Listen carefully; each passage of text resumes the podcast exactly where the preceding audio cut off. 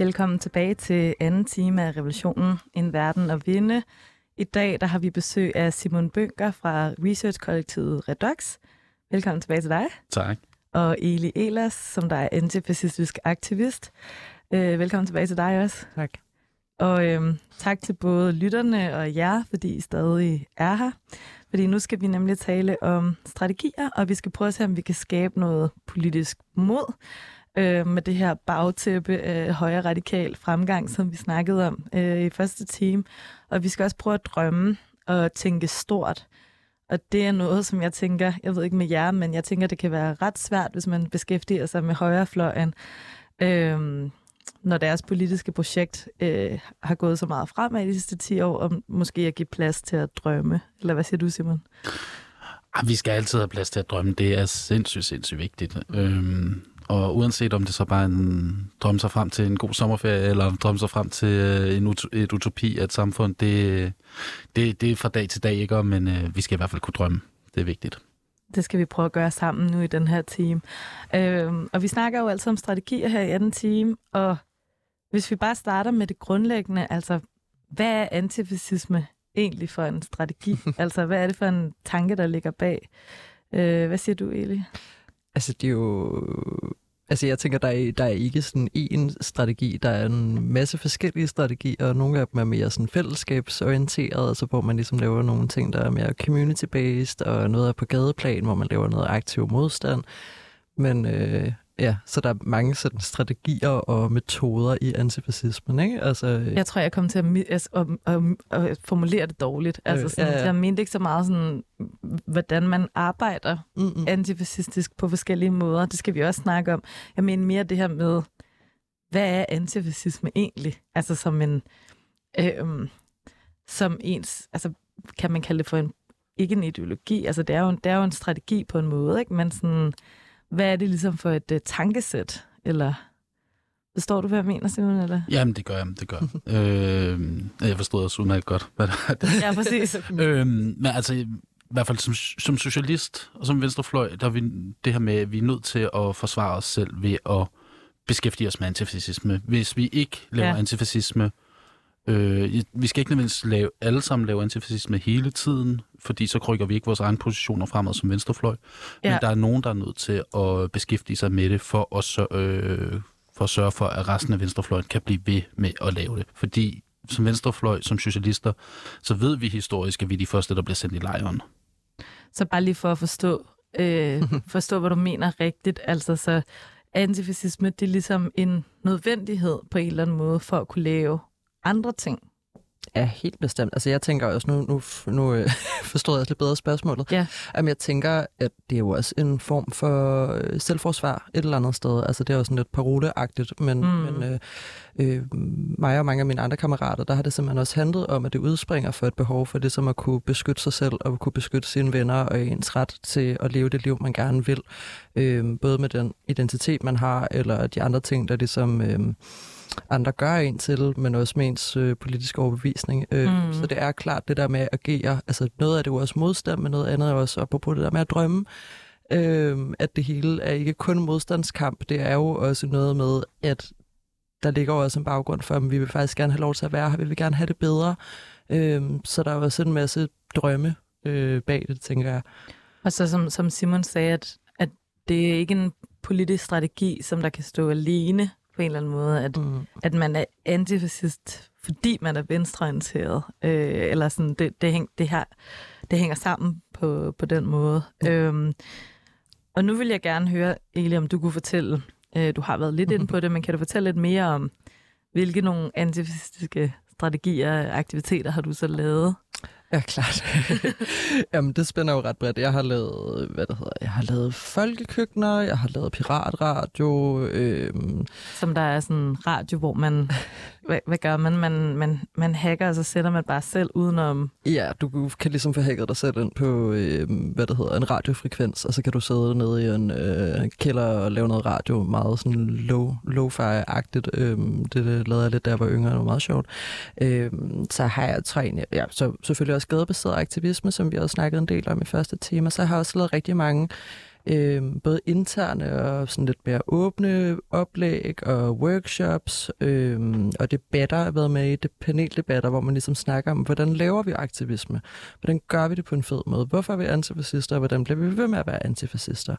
Øh, men meget i rum, hvor det har været indforstået omkring, om vi er alle sammen antifascister, men hvordan gør vi det så på en fed måde, og hvordan får vi de her forskellige nuancer frem i det? Øh, Ja. Og lidt, lidt ligesom det, vi prøver at gøre her, hvor vi står og snakker om strategier, og hvordan, ja. hvordan kan man kæmpe, så er det ja. også sådan nogle, øh, sådan nogle workshops ting, du har lavet. Ja, det tror jeg, jeg er til dels, men også nogle lidt mere sådan, øh, jo, og også bare noget vidensdeling omkring, altså det kunne for eksempel være, hvordan, øh, bum, bum, bum, jamen jeg har lavet en del op, altså sådan oplæg omkring øh, feminisme, øh, og hvordan man ligesom også inkorporerer det i sin øh, praksis, øh, ja, så det er meget, det er med det meste, at det har været meget sådan internt blandt aktivister, at man ligesom, ja, har, har lavet det der. Mm.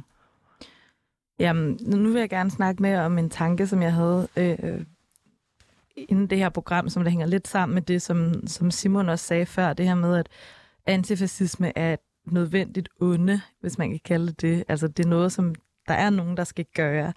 Øhm, og det med, at det har den her akuthed eller den her nødvendighed, kan måske også nogle gange betyde, at det ikke nødvendigvis er særlig givende eller særlig sjovt altid. Øhm, og jeg har da også set, hvordan det kan have øh, konsekvenser for folk at være øh, involveret i den her slags arbejde, fordi det er opslidende at beskæftige sig med en politisk modstander øh, på den måde.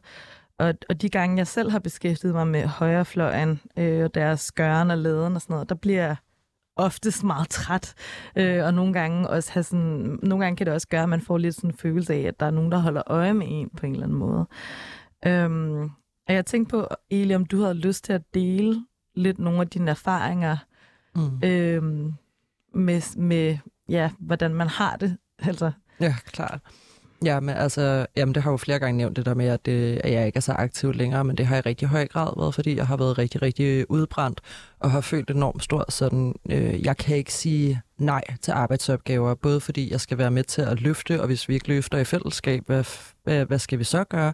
Men også sådan en akuthed, altså der, det er lige nu det her, det sker, det er lige nu de her, de går på gaden, og vi er nødt til at komme ud og vise modstand. Det er ikke noget, vi bare kan gøre næste lørdag, ja. fordi vi lige uh, har en dårlig dag. Ja. Øhm, og det har skabt enormt stort pres, hvor det har været svært ligesom at finde ud af, hvordan prioriterer jeg også mig selv og ja. min tid. Ja. Øhm, og ligesom ja, også finde noget revolutionært potentiale et eller andet sted i selvomsorg, og i ja, det som at passe på sig selv, fordi man kan også hurtigt komme til at brænde sit lys på begge ender, fordi man bare bliver ved og bliver ved og bliver ved og bliver ved, hvor jeg tror, det er rigtig vigtigt, at man har en samtale omkring, på hvilke præmisser kan man deltage, og der skal være mulighed for at kunne trække sig ind og ud Øhm, fordi det er også et enormt stort fællesskab, og det kan være rigtig hårdt at trække sig fra fællesskabet. Fordi hvis man står, og man er måske paranoid, eller man har måske nogle traumer på grund af, det kunne fx være politirepression, det har jeg selv oplevet, Øhm, og når man lige pludselig trækker sig ud af fællesskabet, fordi man ikke længere kan lave aktivisme, så står man også rigtig alene med nogle rigtig svære oplevelser, øhm, som kan være svære at snakke med andre om, hmm. hvor det er enormt vigtigt, at vi passer på hinanden, også selvom man har brug for en pause, eller man er gået på førtidspension som øh, aktivist. Ja. Jeg tænker, at der er rigtig mange aktivister, som der kan genkende øh, de her oplevelser, den her akuthed, eller, eller den her følelse af, at hvis ikke jeg gør noget nu, jamen så, så vil de her ting ske. Øhm, det var jo også en snak, vi havde i programmet for nogle programmer tilbage, da vi snakkede med folk, der er organiseret i forhold til sådan deportationslejre, og mm. det her med at prøve at være i kontakt med folk, som der var indsatte der. Øhm, så, jeg, så jeg tænker, det giver, det, giver super, det, det giver super god mening, det du siger. Øhm, men er der også noget med, at der i, i den antifascistiske, antifascistiske kamp øhm, nogle gange kan blive det her med, at man det er jo svært at få tid til det hele på en eller anden måde, og hvis man med den ene hånd på en eller anden måde skal, skal sørge for at yde modstand mod fascisterne, men samtidig også skulle være dem, der sådan opbygger ting og laver sådan mm. politisk håb, og øh, at det kan nogle gange være svært at altså, der er jo kun begrænset antal tid, og det kan nogle gange være svært at gøre begge dele. Mm. Så nogle gange har jeg også tænkt over, om, om det også er det, der kan gøre det skide svært at lave den her form for aktivisme, fordi man ikke altid ser sejrene, eller man ikke altid mærker mm. det opbyggelige, og det her med ting, der lykkes. Og Mm. Jeg ved ikke, om, om det bare er mig, der har det sådan, eller om, om det er noget, du kan øh, genkende. Nej, det giver sindssygt god mening, og der tror jeg også, at en øvelse for mig har været at prøve at sige, okay, men der er faktisk nogen, vi er gode til forskellige ting, og der er, no, altså, der er nogen, der er bedre end mig til ligesom at holde, holde hovedet koldt, når det kommer til gadebaseret aktivisme. Øh, hvor kan jeg holde hovedet koldt? Okay, men jeg kan faktisk godt arrangere, at vi skal lave øh, fem øh, kander kaffe, og vi skal have nogle snacks fremme, og så kommer der faktisk en oplægsholder, og så står paddlerne og råber og skriger ude på gaden, okay, hvordan får vi lige manøvreret folk ind i det her rum, og sørge for, at det er nogenlunde trygt, og egentlig finde ud af, Nå, okay, men der har jeg en styrke. Jeg, kan, jeg er måske bedre til at organisere i det her rum, hvor at vi øh, drikker kaffe, og vi har en samtale, og der er måske et oplæg, eller vi har en filmvisning, og jeg er ikke så god til at holde hovedet koldt i de her situationer, der har et kæmpe backlash Ja, for mig. Og det, ja. det er ikke for at sige det er universelt, men jeg tror, det kan hjælpe at ligesom mærke efter og sige, "Mm, er der et eller andet, jeg kan finde, som faktisk giver mig en lille succesoplevelse, hvor det kender jeg nogen, der har haft, når de har været på gaden. Det har jeg aldrig rigtig haft, når jeg har været på gaden. Derfor måtte jeg også nødt til at sige, men det, det, det er jeg sgu ikke den bedste til at gøre. Ja. Nogle gange så får man også et nervesystem, som der automatisk sætter en stopper for, øh, ja. hvordan det føles at gøre den slags ting i hvert fald. Mm-hmm. Men jeg, jeg udleder i hvert fald, at det du siger, at det at lave bæredygtig aktivisme, og måske bæredygtig antifascistisk aktivisme, også handler om at hjælpe hinanden med at se, hvor man kan bruge sine styrker henne, og at, at det i hvert fald ikke handler om, at altså, dem, der sidder og lytter derude, som der gerne vil være antifascistisk organiseret, skal måske også bare vide, at man kan godt være det, uden at man skal kunne være god til at være på gaden og være i konfrontation og sådan noget, men at der er, der er brug for mange forskellige former for bidrag, ikke? Ja, lige præcis. Og der er også brug for dem, der er gode til at være på gaden, og dem, der godt kan lide at få et adrenalin-rush og løbe hurtigt og lave lidt ballade. Altså, det kender jeg rigtig mange, hvor det har det været stadig. Deres indgang til det har været, okay, jamen, jeg er sådan en, der altid laver ballade. Jeg er sådan en, der altid gør det forkerte. Jeg bliver altid gjort til sådan en, der er forkert. Okay, nu har jeg faktisk fundet et fællesskab, Ja. hvor det er en enorm stor power, øh, eller sådan, det, er en, det er en god ting. Det har, Ja. det har noget potentiale, Ja. at jeg er sådan en. Der har noget energi. Lige der præcis. skal ud. Og selvfølgelig skal man passe på sig selv, men, men det kan virkelig også noget. Så Ja. så ja, jeg tror, der er plads til alle i virkeligheden. Mm. Altså Mm. alle, der har lyst til at, om det så er at passe børn eller at løbe hurtigt, så øh, er der Men det er også noget af det, som jeg tænker, jeg kan genkende, altså sådan i den slags aktivisme, at, øhm, at det måske også er noget af det, der gør, at den tit kan være forbundet med en bestemt, øh, et bestemt tidspunkt i ens liv. Ja. Øh, fordi at man har ja, en hel masse energi, og man øh, er ude omkring, og man kan tage nogle, altså man kan tage nogle risici, eller man, Mm. det, det er måske ikke øh, lige så nemt, hvis man har et fuldtidsjob, eller en familie, eller et eller andet. Så det er noget andet, jeg gerne vil spørge jer om. Altså, hvordan kan vi lave, hvordan kan vi lave bæredygtige antifascistiske miljøer, hvor at man også kan være, selvom man er fyldt 30, og, øhm, og man ikke sidder med et flosset nervesystem Mm. på den måde. Altså, hvad, hvad siger du, Simon? Har du, har du gjort dig nogle tanker omkring det her? Hvordan, hvordan skaber vi en god, god, nogle gode rammer for hinanden til at kunne gøre det her? Jamen altså, det er noget, som øh, vi i vores kollektiv i Redox, øh, vi jo har forholdt os til gennem årene, fordi vi har eksisteret gennem lang tid. Og øh, vi er også, øh, altså, jeg er i hvert fald kommet op over 30 selv, og øh, det er der også andre, der er. Øh, så vi er også nødt til at forholde os til, at vi har fuldtidsjobs og ikke er studerende længere, og har familieliv og alt sådan noget. Øh, så hvad hedder det, det er noget, vi har fokus på. Jeg har, vi har ikke fundet den, øh, den geniale løsning endnu, og jeg tror ikke, der er en genial løsning, men i høj grad bare tage hensyn til hinanden, og at man skal give plads til at kunne trække sig, og det er ikke nødvendighedens onde, der definerer, øh, hvad det er, man skal, Ja. selvom det kan være sindssygt svært at, Ja. at, til, at øh, trække sig fra. Kan du prøve at uddybe det, hvad du mener med det? Altså det var fordi, vi, vi snakkede om før, den her nødvendighed, der er i antifascisme. Ja, altså lige netop det her med, at man, når, man, når det her sker, så må vi jo, altså, eller der er der, hvad skal man sige, en, en, en dynamik i den antifascistiske bevægelse, at når for eksempel en øh, højere radikal Ja. gruppe går på gaden, når man så, øh, så er der en forventning om, at altså, øh, antifascisterne skal gå på gaden også Ja. ja. mod dem. Og hvor at, øh, det måske lige netop er vigtigt at stoppe op og sige, hey, okay, er det nødvendigt det her, eller hvad, mm. hvad er den bedst mulige måde at agere på? Mm. Øh, og har vi ikke ressourcerne til det, øh, eller øh, har, har vi bare simpelthen øh, for meget at se til lige nu, Ja, mm, så er det måske øh, bedre på, i den, på den lang sigt at lige tage en og sige, okay, den her dag, der sparer vi faktisk vores, øh, vores kræfter Ja. for, at vi kan gå på gaden i morgen. så måske også efter. trække det lidt ned nogle gange fra det der meget symbolske plan, som der er, at, at hver eneste lille, lille kamp er et, en, en, et symbol for, nu er der en antifascistisk bevægelse, eller nu er der ikke, eller Mm. mm. hvordan. Ja, det tænker jeg, men ja, hvordan skal man lige formulere det? For jeg tænker også det der med, okay, men jamen, nu trækker jeg lidt tilbage til noget af det, vi snakkede om før, øh, i forhold til, når man udover at være anti, hvad er det så, man også gerne vil? Hvor der tænker jeg også, det er enormt vigtigt øh, at flekse imellem. Nu går vi ud og yder modstand noget, men så på den anden hånd også begynder at arbejde sig mere hen mod det, vi egentlig gerne vil have mere af. Bruge noget tid på det. Øhm, og jeg synes, det er svært, hvordan man lige skal løse det. Altså i situationen, når, når, når man skal aktivisten. Jeg tror måske, jeg har mere forslag til, øh, eller idéer omkring, hvad kan man gøre rundt om for at gøre livet lidt rarere, ikke også? Men, men, Jo. men det er, det er, den er virkelig svær at løse, og det er noget, jeg har snakket rigtig meget med folk om. Folk, der har været rigtig udbrændte, der har haft nogle livssituationer, der har gjort det svært at deltage på samme måde, som de plejede. Jeg tænker heller ikke, det er noget, som vi kan stå her og løse øh, os tre nu, men jeg synes, det er vigtigt at, øh, at, at, at snakke om. Mm. Og måske en vigtig ting er lige netop at forholde sig til det, inden at man står øh, og er udbrændt, og ens kammerater er udbrændte. Øh, fordi så er det så meget sværere at komme op øh, igen. Ja, Øh, så det er jo egentlig, at vi, vi bør øh, organisere os på en måde, hvor øh, vi lige netop tager hånd om hinanden og øh, holder, støtter hinanden og sørger for, at vi ikke lader hinanden øh, trække øh, sig selv ned. jeg ved ikke, om det er sådan lidt sådan et aktivistord, det der med at være udbrændt. Altså, det kan, skal vi sætte nogle ord for det egentlig? Altså, hvad er det for et, hvad er det for et fænomen på en eller anden måde? Eller hvor, hvor, hvordan er det, det kommer til udtryk, når I har set det?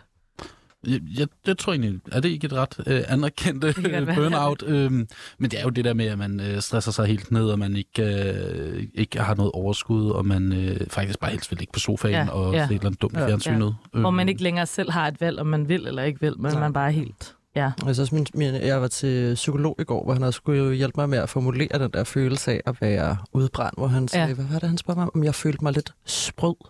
Og det synes jeg, ja, sprød. Og det synes jeg egentlig var en meget god, altså man er sådan en lille, man er en lille kartoffelchip, der er lige helt klar til at knække over, eller sådan. Men det kan man jo også opleve, hvis man har et arbejde, og man har et fuldtidsarbejde, Ja, og der er sindssygt meget knald på, og der kan aktivisme nogle gange godt blive et rigtig hårdt arbejde. Det er det også, men det er også et vigtigt arbejde. Og især hvis man så kører begge dele, ikke? og et fuldtidsarbejde og et aktivistliv, Ja. og så måske også et familieliv derhjemme. Ja. Så Ja, det er det det skulle hardcore. Men lad os gå videre og snakke øh, mere om det her med sådan forskellige former for øh, aktivisme, som man kan lave i den antifascistiske bevægelse. Fordi i første time, så øh, talte vi om det her med, at fascisterne i høj grad har rykket sig fra gaden og fra fodboldstadioner og øh, ind i parlamenter, øh, hvis man øh, trækker det lidt hårdt op. Og i dag der er det jo i høj grad det her med, at vi har racistisk og diskriminerende lovgivning, øh, såsom ghettoparken og burkaforbuddet, som der er et udtryk for den her statsracisme, øh, som der ikke er ja, hate crimes på gaden. Øh, hvad betyder det for den antifascistiske bevægelse, at, øh, at vi ser et, et skift, eller at, at de har rykket, altså de, de højre radikale har rykket rundt over i deres lejr. Hvordan rykker man så rundt over i den antifascistiske lejr? Ja, altså øhm, i hvert fald i Redox, der har vi jo været nødt til at, at gøre nogle overvejelser om, hvad er det for nogle grupper, vi Ja, beskæftiger os ja. med for lige netop. Fordi vi har set det her skifte, og vi har set, at Nå, men at det, den yderste højre fløj er gået fra at være talstærkt på gadeplan til at være øh, gå ind i organisationer og i partier, som øh, arbejder inden for en parlamentarisk øh, øh, vej. Og øh, det har vi ligesom øh, haft meget fokus på, og det, diskuteret det meget der i start med 10'erne, øh, hvor vi så også øh, lancerede, at øh, nu vil vi til at beskæftige os øh, meget, meget mere med, med den retning. Øh, og det synes jeg personligt øh, var et meget, meget Ja. ja. vigtigt valg, øh, også for at vi kunne forblive relevante, fordi hvis vi blot havde fortsat med kun at beskæftige os med øh, voldsparate nazigrupper Dem i planen. Bomberjakker og... så, så havde vi nok altså så, så, så var, havde vi, var vi blevet uaktuelle og u, øh, Ja. ja. ikke relevante Ja. ja. længere, men lige når, når vi beskæftiger os med alt fra Nye Borgerlige og Pegida til, øh, til Dansk Folkeparti, og. Mm. og, og derimellem, så, øh, så hvad hedder det, leverer vi også det, som øh, folk øh, har brug for. Folk har brug for ammunition, øh, folk har brug for viden Ja. øh, til at forholde sig til øh, den her... Øh, hvad skal man sige, forandring, men også øh, forholde sig til den yderste højre fløj, og om det så er nye borgerlige, Danmarksdemokraterne, stram kurs, eller hvad det er, så har folk brug for øh, Mm. baggrundsviden for i hvert fald at kunne agere på det. Jeg kunne også godt tænke mig at snakke om det her med... Øhm, nu snakkede vi om det her med, at antifascisme ikke kan stå alene, både i Mm. forhold til, hvordan man agerer som aktivist, men også i forhold til altså rent politisk øh, som bevægelse. Øhm, kan vi snakke lidt om, hvordan, hvordan skal antifascister bygge broer til andre politiske kampe og andres kampe? Ja, det er jo et sindssygt relevant spørgsmål, men det er også et, jeg synes, der er meget svært at svare på, altså, fordi det er jo en nødvendighed, men ja, hvordan skal man gøre det? Øhm, Eller, eller måske ikke så meget hvordan, men hvilke kampe kunne man for eksempel øh, knytte an til øh, i det politiske landskab, som vi har i dag. Mm. Øh, der tænker jeg for eksempel selv, at øh, jeg synes, det var et, altså, jeg synes, det er et rigtig godt eksempel, når øh, antifascister for eksempel støtter øh, kampen imod øh, ghetto, ghetto-loven, øh, og støtter folk i ghetto-stemplede områder. Mm. Øh, fordi det er jo også den her statsracisme, som, som der øh, forårsager det. mm. Men der tror jeg altså, at jeg bliver sådan helt inde i mit lille ekokammer, for jeg nemlig har beskæftiget mig så meget med det der med at arbejde internt på venstrefløjen. Nogle gange glemmer det her med, at det ikke er selv sagt, at antifascisme på en eller anden måde handler om, at det er, i hvert fald for mig, er intersektionelt. Øhm, og jeg synes for eksempel, at Ghettoparken er et meget godt eksempel på, der arbejder du både med noget antiracisme, du arbejder også noget med øhm, noget klassekamp i forstand af, at altså, der er Øh, ofte en grund til, at du også bor i almen bolig, det er måske ikke dem, der er allermest økonomisk privilegeret, Ja. bor der, og rigtig mange af dem, jeg tænker, der også er ved at trække over mod højrefløjen, er måske også folk, der er fra den klasse for eksempel. Så det tænker jeg også er relevant at arbejde der. Men for mig, der er antifascisme ligesom den her intersektion mellem øh, antiracisme og feminisme, og mm, jamen nu kan jeg ikke lige, har jeg ikke lige den store opremsning, men det her, hvor man ligesom kigger på okay, forskellige minoriserede grupper og prøver at rumme alle de forskellige kampe i én, fordi de hænger unægteligt sammen på kryds og tværs. Øhm, ja, Og, og det, det kunne være en, en meget god bro til, til et andet spørgsmål, som der lidt er det her med, hvem, hvem skal hvem skal være antifascister? Øhm, fordi der er måske mange, der forbinder antifascister med især sådan hvide unge. Og jeg tænker, kan vi snakke lidt om, hvad er fordelene og ulemperne ved det? Ja da. Øh, jamen jeg tænker, altså, øh, altså det er jo en ulempe, fordi det er meget svært at skulle se sig selv i, øh, i, et, i et fællesskab, hvor der ikke er nogen, man kan spejle sig af, hvor der ikke er nogen, der ligner en selv. Altså så virker det lidt som en mur, man ligesom skal bryde igennem og, at være den første, der ligesom baner vej, før at ens kammerater kan være der også, og det er sindssygt hårdt. Øh, noget af det, der måske kan hjælpe lidt med det, er, at øh, når hvide unge mænd ligesom er dem, der står forrest, er det måske også dem, hvor at man kan sige, at øh, de er ikke minoriseret på samme måde som andre er, og derfor så har det ikke, så bliver de ikke profileret på samme måde. Øh, for eksempel af politiske modstandere og politiet, hvilket kan være en styrke for dem, som øh, nogle af os andre ikke har på samme måde. Øh, ja. Og jeg, jeg tænker, at der måske har været lidt et skift på venstrefløjen i forhold til nogle af sådan, altså en bevidstgørelse eller en, en diskussion, som der handler netop om sådan noget der med identitet og positionering i forhold til det politiske arbejde, man laver. Øhm, men er det, er det også noget, som, som der har været en del af samtalen i forhold til netop det her med antifascistisk strategi, at på den ene side, så kan man sige, der er både det her med, hvem kan så være en del af bevægelserne, hvem føler sig trygge i bevægelserne, men der er også ja, det her med at bruge privilegiet Hmm. til en fordel. Hmm. Øhm, så er der jo også noget med det her med levet erfaring på en eller anden måde. Hvis man beskæftiger sig med antiracisme eller antifascisme som, som hvid person, så er det lidt det her med sådan, at man, hvor, hvor skal kampen stå på en eller anden måde? Hvad, tænk, hvad tænker du, Simon? Jo, men altså, jeg synes, at det er helt klart, det er meget, meget vigtigt, at vi øh, tjekker vores privileg- privilegier, især som jeg står her som hvid, øh, hvid cis-person, øh, cis-mand. Og øh, jeg tror da også, det er derfor, at jeg har den mulighed for at kunne stå frem og lige noget indtage, øh, og, hvad, hvad skal man sige, være offentlig på den måde, at øh, jeg bliver ikke angrebet på lige så mange øh, måder, som øh, andre ville, øh, andre minoriserede kammerater vil blive. Øh, så det vil jeg da sige, øh, det er jeg i hvert fald opmærksom på. Øh, vil du gentage anden del af spørgsmålet, Laura? Jeg ved ikke rigtig, hvad, øh, hvad anden del af spørgsmålet var. Det var, det var mere det her med, sådan, hvordan, hvordan de her tanker omkring position og altså, mm. privilegier også er en del af vores strategisnak, øhm, som vi står og har nu. Hvad, hvordan, hvordan det kan have en betydning. Fordi der var noget af det, du sagde, Eli, som der fik mig til at tænke på, at det giver mening at tænke antifascisme på den måde, at øh, der for eksempel er en majoritet af hvide mm. øh, cis-mænd, når det er intentionelt ja. på en eller anden måde. Når det er noget, som vi tænker, det giver mening, fordi mm. der er den her slags opgaver, øh, mm. hvor at, at det kan være en fordel. Men hvis det bare går hen og bliver sådan en eller anden norm, eller en eller anden stereotyp ja. på en eller anden måde, så kan det måske have en ekskluderende effekt. Ja, for jeg kan nemlig også godt blive bange for, at hvis den får den her ekskluderende effekt, at man så ligesom får et meget, en meget splittet venstrefløj, der egentlig ikke rigtig kan arbejde sammen mod det, der egentlig er et fælles mål. Ja. Men jeg synes også, der er nogle dilemmaer i det, fordi at jeg synes, at en fejl, der er sket, som jeg også selv har været med til at lave, øhm, og som jeg også er blevet, jeg har ligesom været begge ender af den, jeg er også blevet ja. udsat for det, at man ligesom siger, okay, men det kan for eksempel være, når vi et mandefællesskab, det må nødt til at gøre noget ved.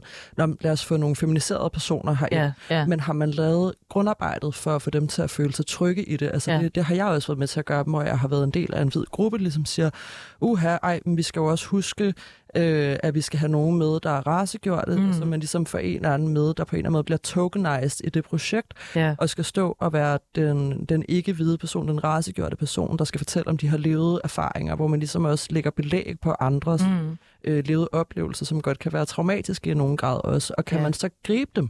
Altså de ting, de så bliver udsat for, mm. kan man så gribe dem i det? Altså det har jeg, for ligesom, altså et perspektiv, jeg har haft på det, har været, Øh, jeg har været meget aktivist, hvor jeg har været meget omkring mænd, der måske ikke har forstået min oplevelse af for eksempel trusler. Ja. Hvor at vi har alle sammen fået øh, dødstrusler i et kommentarspor omkring, øh, de burde et eller andet, et eller andet, et eller andet. Men når jeg så har været en gruppe, hvor, at, eller, hvor jeg ligesom er blevet udpeget i det her kommentarspor, eller hvis jeg har været en gruppe, hvor vi hovedsageligt har været feminiserede personer, så ja. får de en anden karakter. Øh, og det kan, altså, hvor der har jeg haft en oplevelse for nogle år siden, der var det faktisk svært at snakke om at sige, jamen, vi har nogle dele af oplevelser, men der er også nogle oplevelser, som jeg får ikke de mm. samme trusler, der har den her sådan kønnet eller den her seksualiserede ja. ting ja. i sig. Ja. Øhm, hvor det synes jeg er nogle ting, man ligesom også skal være opmærksom på, når man ligesom siger, at vi vil gerne brede det her op, men hvordan gør vi det også trygt for folk, og ja. hvordan kan vi i tale sætte ting, vi ikke nødvendigvis selv oplever, Øhm, jamen, hvordan rummer vi ja. de her ting? Og nu ved jeg godt, at jeg bare kaster en nej, nej, jeg forstår. spørgsmål jeg synes, det, ud. Jeg synes, det er rigtig, rigtig relevant. Ja. Øhm, det fik mig også til at tænke over det her med, at... Øhm, hvordan... Ej, nu, glem, nu tager jeg faktisk tråden. Nu kan jeg, ikke, nu kan jeg ikke huske, hvad det, var, hvad det var, det fik mig til at tænke på. Øhm, nej, men der er noget med det her med sådan, de forskelle, der er imellem os, som du sagde, at det på den ene side øh, kan være en forestilling, man har, at når man bliver ved med at i talesætte de forskelle. Der er, forskel, der er forskel i vores positioner herinde i studiet. Altså, mm. jeg arbejder i en separatisme på den her måde, eller i et mm. fællesskab, hvor der ikke er en separatisme på den her måde. Så kan man have en idé om, at det splitter os ad, og det gør mm. venstrefløjen skrøbelig, for eksempel mm. over for fascisme. Øh, men måske kan det være en strategi at mm. tænke, hvor er det styrkerne ligger i det? Hvornår er det, vi ja. kan arbejde sammen om at have forskelligheder? Ja. Øhm, og, og det har jeg også tænkt over i forhold til Ja, det ved jeg ikke, hvis man tænker på kampen imod ghettoplanen på en eller anden måde. Der, giver det, der, der synes jeg også, det giver mening det her med, at nogle har erfaring med en form for aktivisme, mm. nogle andre har erfaring med en anden form for aktivisme. Mm. Nogle, de kan sige ting og gøre ting, det kan andre ikke, fordi de mm. står i en meget mere udsat position øh, i forhold til det. Ikke? Øhm, og, og som vi snakkede om i første time, så er der jo det her med, at når vi skal kunne kæmpe på mange forskellige måder for at kunne mm for at der er flere, der kan være med. Ikke? Og der tænker jeg også på, om en strategi øh, som antifascistisk kamp også er det her med at bygge bro til andre, hvordan man kan arbejde med at bygge bro til andre grupper og andre øh, øh, folk, som man ikke er i berøring med, som jeg tænker, der også har været en historie for Simon, altså i forhold til det her med at lave meget brede alliancer, altså prøve i Aarhus for eksempel at lave nogle brede alliancer i forhold til spørgsmålet om white pride, lave øh, Øh, anti-nazi march med lokalbefolkninger rundt omkring i, øh, hvad hedder det, provinsbyer, hvor at der er nogle, ja, der er de her, der er de autonome, som der kom fra København, og så er der nogle, nu, nu er det en stereotyp, ikke? men så er der de her øh, loka- lokale på en eller anden måde. Øhm, og det giver mening at blive ved med at tænke på den måde. Altså det der med at bygge de der broer. Øh, og måske ja, lave nogle kulturelle arrangementer nogle gange, mm. som der øh, kan, kan gøre, at folk de kan få en berøring med noget politisk på en anden måde. Mm. Hvad, tænker, hvad tænker du om det, Simon? Jo, men altså, som du selv siger, det er i hvert fald været noget, der har været meget øh, gjort tidligere. Øh, jeg tror, at der er nogle øh, geografiske øh, udfordringer i det.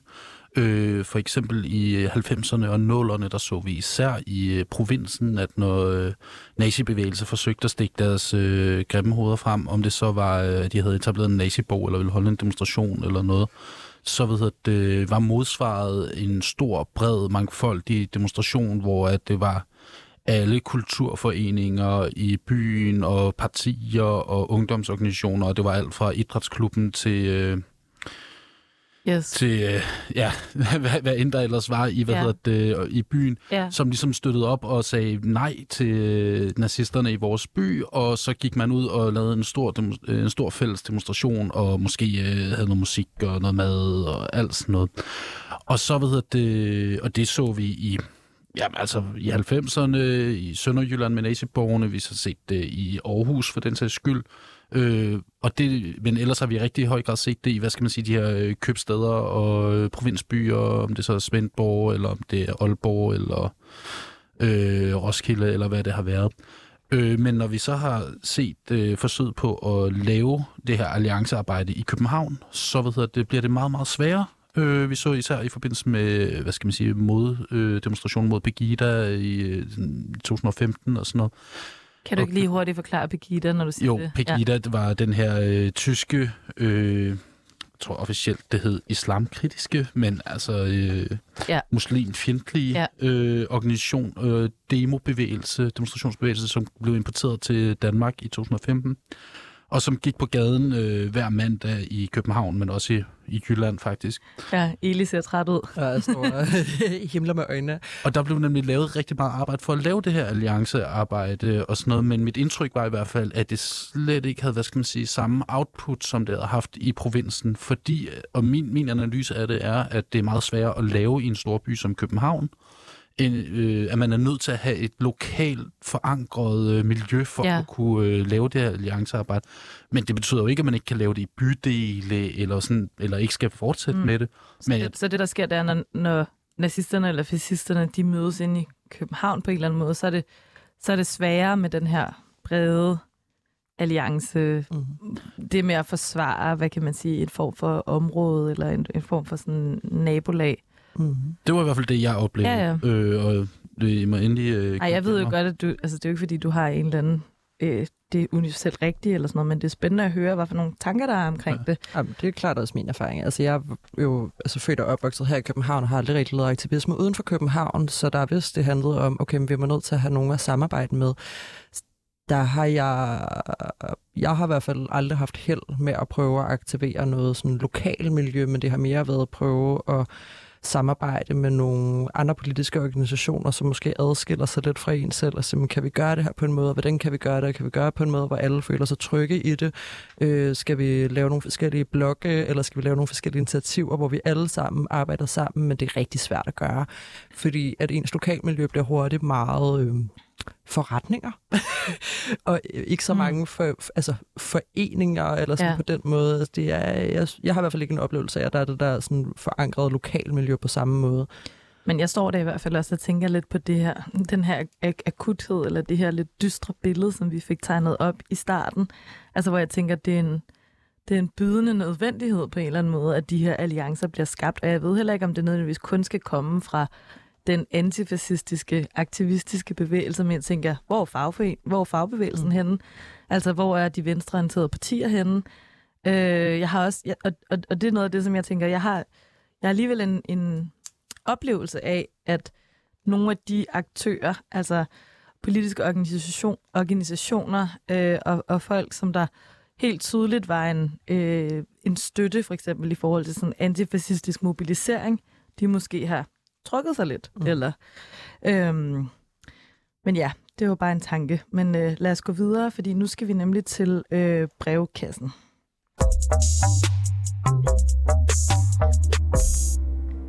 Vi har nemlig den her brevkasse, hvor vi hver uge tager politiske dilemmaer op, som lytterne sender ind, øh, hvor de gerne vil have et råd til noget, de skal navigere i deres hverdagsliv.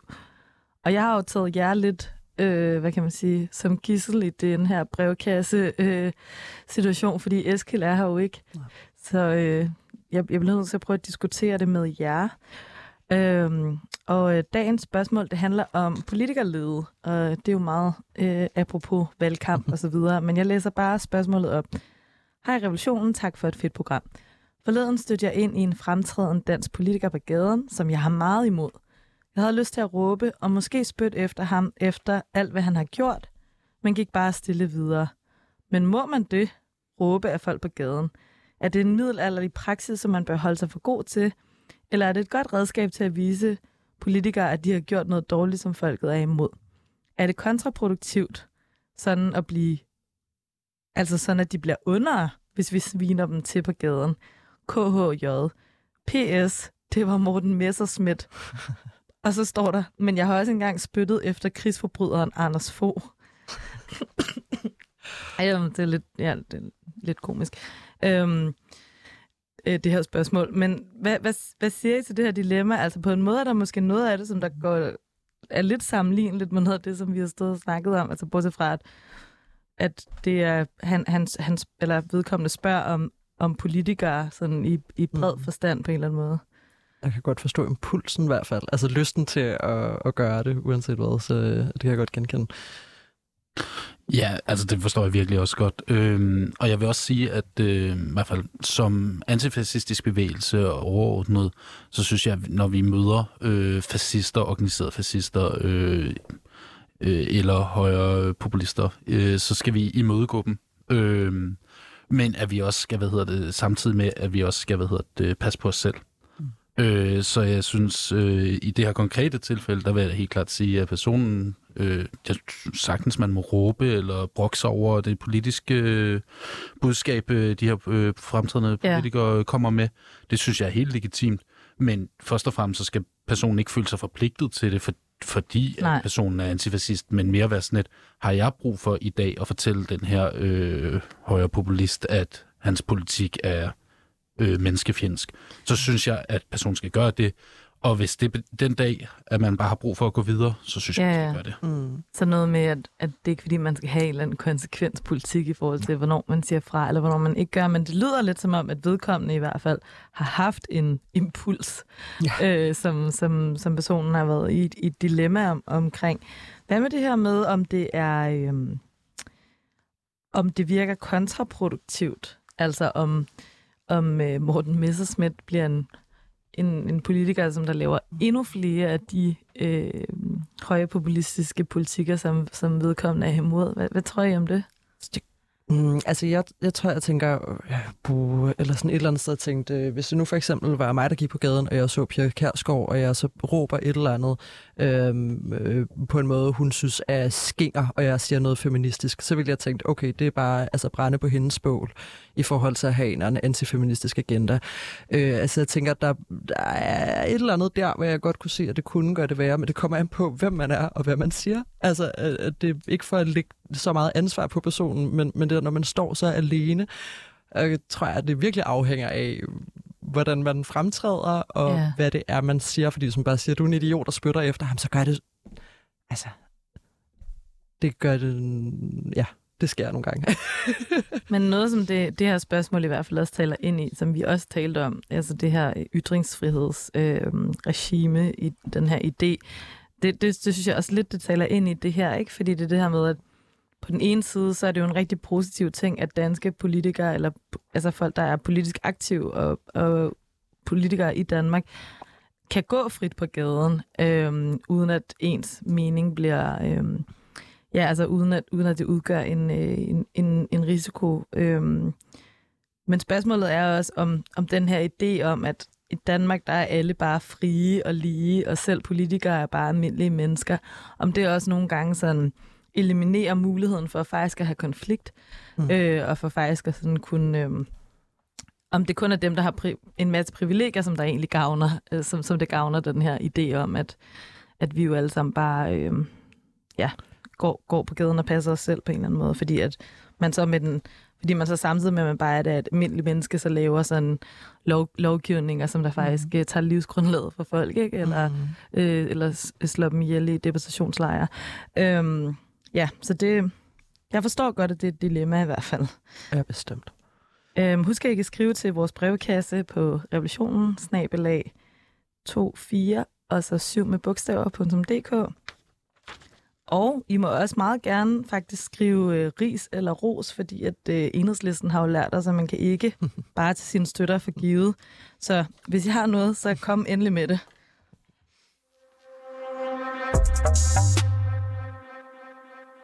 Nu skal vi til den del, øh, hvor vi skal til at tænke stort, og hvor vi skal drømme.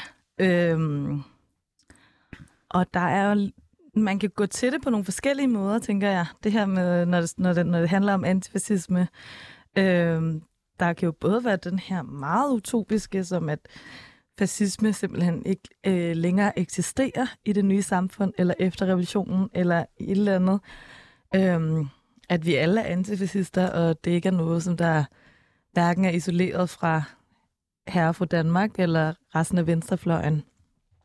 Men jeg ved ikke, om jeg ved ikke, om den drøm øh, er så øh, spændende nødvendigvis, eller om det, det kan måske være svært at snakke om. Øhm, så jeg tænker, hvis vi kan starte med, hvad, hvad kunne være et drømmescenarie for den antifascistiske bevægelse på en eller anden måde? Har du gjort dig nogle tanker om det, Elia? Jamen, jeg har, jeg har godt tænkt over det, men jeg synes godt nok, det er svært, fordi det ryger hurtigt op i sådan en, altså sådan og, jamen, altså, drømmen er vel en, en verden uden undertrykkelse, ikke? Altså, det er lidt som en floskel, men, men det tænker jeg et eller andet sted drømmen. Og jeg synes, det var enormt svært, for jeg kunne mærke, at det var også, øh, det er også tungt et eller andet sted, fordi man også må nødt til at kigge på, hvad er det egentlig, altså hvor er det egentlig, den her vrede og sorg ligger henne lige nu, ikke også? Altså, så det bliver også hurtigt, altså for mig blev det meget hurtigt sådan, uff, det var virkelig et tungt spørgsmål, fordi jeg hurtigt kom til at tænke på alle de ting, der er svære. Havde faktisk, det kom faktisk bag på mig, hvor svært jeg havde ved at forestille mig en verden, ja. der er så radikalt anderledes, end, end det er lige nu.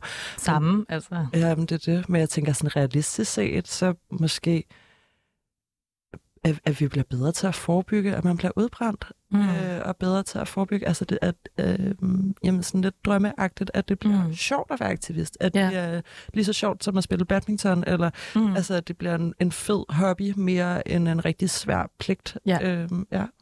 Så, så prøve at, at skabe nogle grundlag for, at man i bevægelsen øh, selvfølgelig laver et alvorligt og vigtigt stykke arbejde, mm. men at man også skal have det sjovt nogle gange. Ja. Og at, at det er noget, som vi bliver nødt til at kunne have som aktivister for at kunne øh, holde. Mm. Så det er i hvert fald et drømmescenarie, som jeg også godt kan genkende, og prøve at få, prøve at få udryddet lidt den her idé om det her sådan martyrium på en eller anden måde, som det som, som man nogle gange kan have på venstrefløjen med, at man skal ofre sig selv for kampen eller et eller andet. Øh, fordi det, det synes jeg ikke giver så meget mening. Øhm, har du tænkt over det her, Simon, med hvordan, øh, hvordan ser et drømmescenarie ud? Jamen altså, det går meget derhenad, som I også øh, siger, det er svært at forestille sig, men det her med en verden uden undertrykkelse er jo et meget god, en meget god start, og så verdensfred selvfølgelig. Øh, men derudover så, øh, måske skal vi starte med at sætte et delmål eller sådan noget, altså en stor mangfoldig antifascistisk bevægelse, øh, som, hvad hedder det, hvor der både er plads til sjov, leg og spas, øh, men også som er alvorlig. Øh, og en af de mål at komme derhen, det tror jeg blandt andet er at starte med, at vi skal blive bedre til at fejre vores egen sejre. Ja. Øh, når, hvad hedder det, når vi får lukket øh, fascistiske organisationer, eller stoppet en march, eller... Eller der er en eller anden fascistisk blok, der lukker. Hvad ved jeg? Mm. Øh, man holde en fest? Ja, eller i hvert fald huske at sætte sig ned med et øh, glas bobler, om der så er alkohol i eller ej, det må man selv bestemme. Jeg købte i hvert fald øh, en, nogle store flasker øh, Faxe Conti på øh, champagneflasker øh, her i sommer, og der blev skålet lidt. Øh, det, hvad hedder det, det synes jeg er øh, sindssygt vigtigt og sindssygt nødvendigt, at vi husker at stoppe op og Ja. give os selv tid og plads til os at fejre det, fordi Ja. i hvert fald den del af den antifascistiske bevægelse, jeg er en del af, der har været det, der har vi ikke været øh, vanvittigt gode til at gøre det gennem årene. Og antifascisme er en af de kampe på venstrefløjen, hvor vi rent faktisk ser, øh, at vi vinder. Vi ser vores sejre. Så skal vi bare huske at stoppe op og så nyde dem. Jeg tror altså meget ofte, jeg har oplevet, at, at man er enormt god til det som at sige, okay, hvad kunne vi gøre bedre? Ja, Ikke? Altså, hvad skal vi gøre bedre næste gang? Hvad, hvad gik galt? Hvad gik galt? Fordi vi skal hele tiden forbedre os, fordi det med, den der med det følelse er akut, ikke? Men der tror jeg, det er rigtigt, øh, det du også siger, at det der med, det er også vigtigt at huske nogle gange at steppe op og også være sådan, ej, men der var faktisk også nogle ting, der faktisk gik godt, og måske behøver det hele ikke at være perfekt, eller det var måske ikke øh, lige præcis sådan, som man ønskede, det ville blive, men, men, men var der et eller andet, som faktisk egentlig var meget Mm. fedt? Altså, var der nogle gode kampråb i demonstrationen, Ja. ja. øh, som ikke var helt ud af tak for en gang skyld, eller sådan noget? Det kan også være en sejr.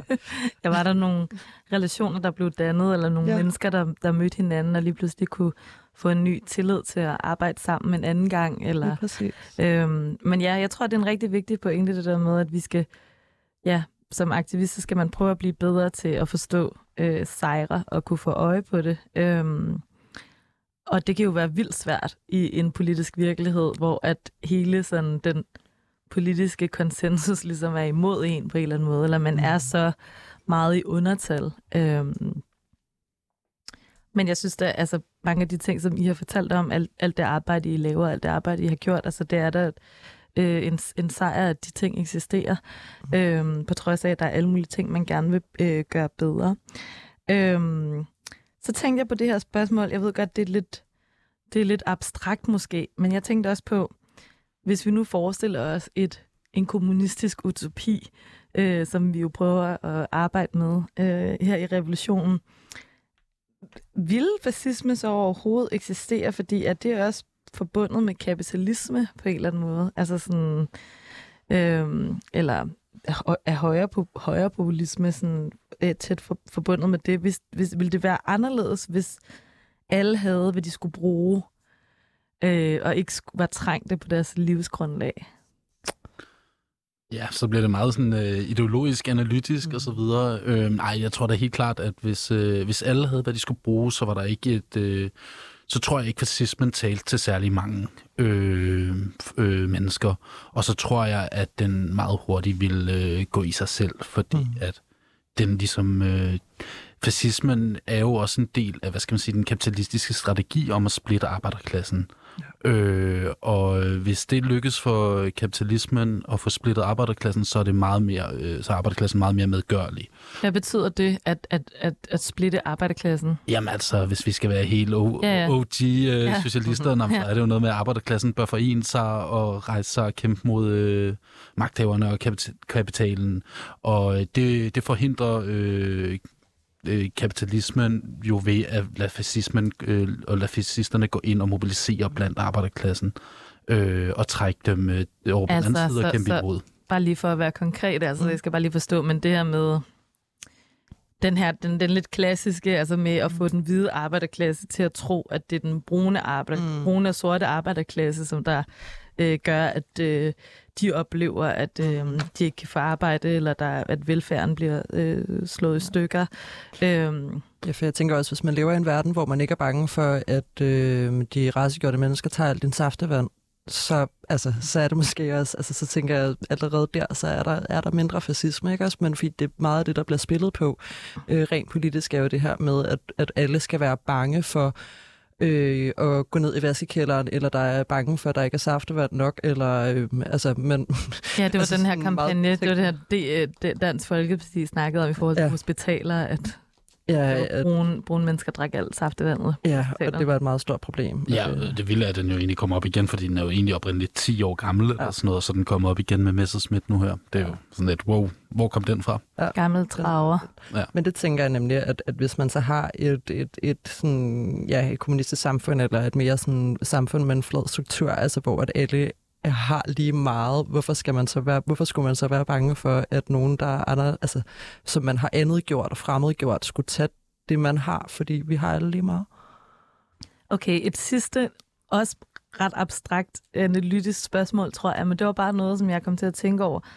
Det her med, nu har vi jo i det her program også øh, haft en episode, der handlede om sådan noget med restaurativ retfærdighed og konflikthåndtering, som der ligesom er den her til, tilgang om, at man prøver at forstå øh, omstændighederne for, hvorfor folk de mm. handler og gør, som de gør, og i stedet for at straffe folk, så vil man prøve at sådan, gå til det øh, med en mere sådan, øh, ja, di- dialogbaseret. Og nu ved jeg godt, at det er sådan et tænkt eksempel, fordi at det er også en metode, man bruger med folk, som man gerne kunne tænke sig at dele fællesskab med. Og det tænker jeg ikke, at man er interesseret i, i forhold til fascister. Men efter revolutionen, de små fascistiske idéer, som der måtte være, eller de personer, som der kan udtrykke for sådan nogle ting, har vi så en anden tilgang til dem? Simon, du har også, du, du, sagde, du sagde også, at I nogle gange har erfaring med det der med at snakke med folk, som der er gået ud af organisationer på en eller anden måde. Sådan, kan, forstår du, hvor jeg vil hen? Altså sådan, vind, vinder man noget ved at prøve at forstå, hvad der foregår altså, over i folk? Ja, det vil jeg mene helt klart. Altså, lige når, når vi når vi snakker med folk, der tidligere har været aktive på den yderste højre fløj, så snakker vi jo rigtig ofte med dem om, hvordan at de kom ind i det. Hvad, er det, hvad var det for nogle øh, ting, der gjorde, at de lod sig rekruttere, eller var interesseret i at blive en del af det her. Og, øh, og det giver os jo en forståelse af, øh, hvad er det for nogle øh, parametre, man kan skrue på osv. Meget af det handler jo om, at vi som samfund skal skabe en øh, større social, øh, mindre social ulighed, øh, blandt andet. Øh, og så det her med, at øh, de højere, øh, højere radikale partier og organisationer taler ofte ind i, at øh, øh, folks anekdotiske oplevelser med øh, øh, racegjorte i samfundet og så videre. Og derfor så tror jeg også, lige netop, at når vi snakker på den anden side af revolutionen, at lige netop vi har en, en lighed i samfundet, og vi har, hvad hedder det, alle brødre og søstre og så videre, at øh, der ikke vil være den samme øh, grundlag for at blive aktiv fascist. Men dermed sagt, altså sådan, nå ja, men altså på den anden side af revolutionen, der mener jeg da helt klart, at der skal være plads til, at man kan have de idéer, man vil have, øh, uanset hvad. Øh, men der er nok ikke behov for, at man øh, organiserer sig fascistisk. Ja, jeg tænker også, at noget af det, man måske har... Øh, ej, det, det kommer måske til at lyde lidt plat, eller komme ud på en forkert måde. Men jeg tænker, noget af det, alle, der på en eller anden måde er politisk indigneret, har til fælles, er måske det her med, at et eller andet sted kommer det jo også af følelser. Altså det kommer jo også af vrede, eller sorg, eller mm. en frustration, ikke også? Eller en frygt, øh, tænker jeg også ofte, øh, at det kan udspringe ud af øh, de her ting. Og det er jo noget, der også et eller andet sted bare er sindssygt menneskeligt, så jeg tror egentlig ikke, altså jeg, jeg tænker bare sådan, at det udgør måske ikke så stor en trussel. Altså det har ja. jeg faktisk svært ved at forestille ja. mig, at det vil gøre efter revolutionen. Mm. Ja. Så vil jeg bare lige afslutte med at sige, at man kan støtte Redoxes arbejde økonomisk med at øh, Redoxes arbejde med at dokumentere det yderste højre ved at MobilePay et beløb til 80 90 5. Og så vil jeg bare sige tak til Simon Bønker fra Research-kollektivet Redox og til Eli Elers, øh, antifascistisk aktivist. Tak fordi I kom, og tusind tak for jeres arbejde. Tusind tak for invitationen. Mange tak. Lyt med igen næste tirsdag, hvor vi igen har dedikeret to timer til at tale om revolutionen. Jeg hedder Laura Henne Blankholm, og Eskil er tilbage igen i næste uge. Birke Friedlander har hjulpet med at lave research til overblikket over de højre radikales indflydelse globalt. Og så vil jeg bare sige, husk at holde sammen, og holde ud og holde hinanden. For vi har kun vores linker at miste, men en verden at vinde.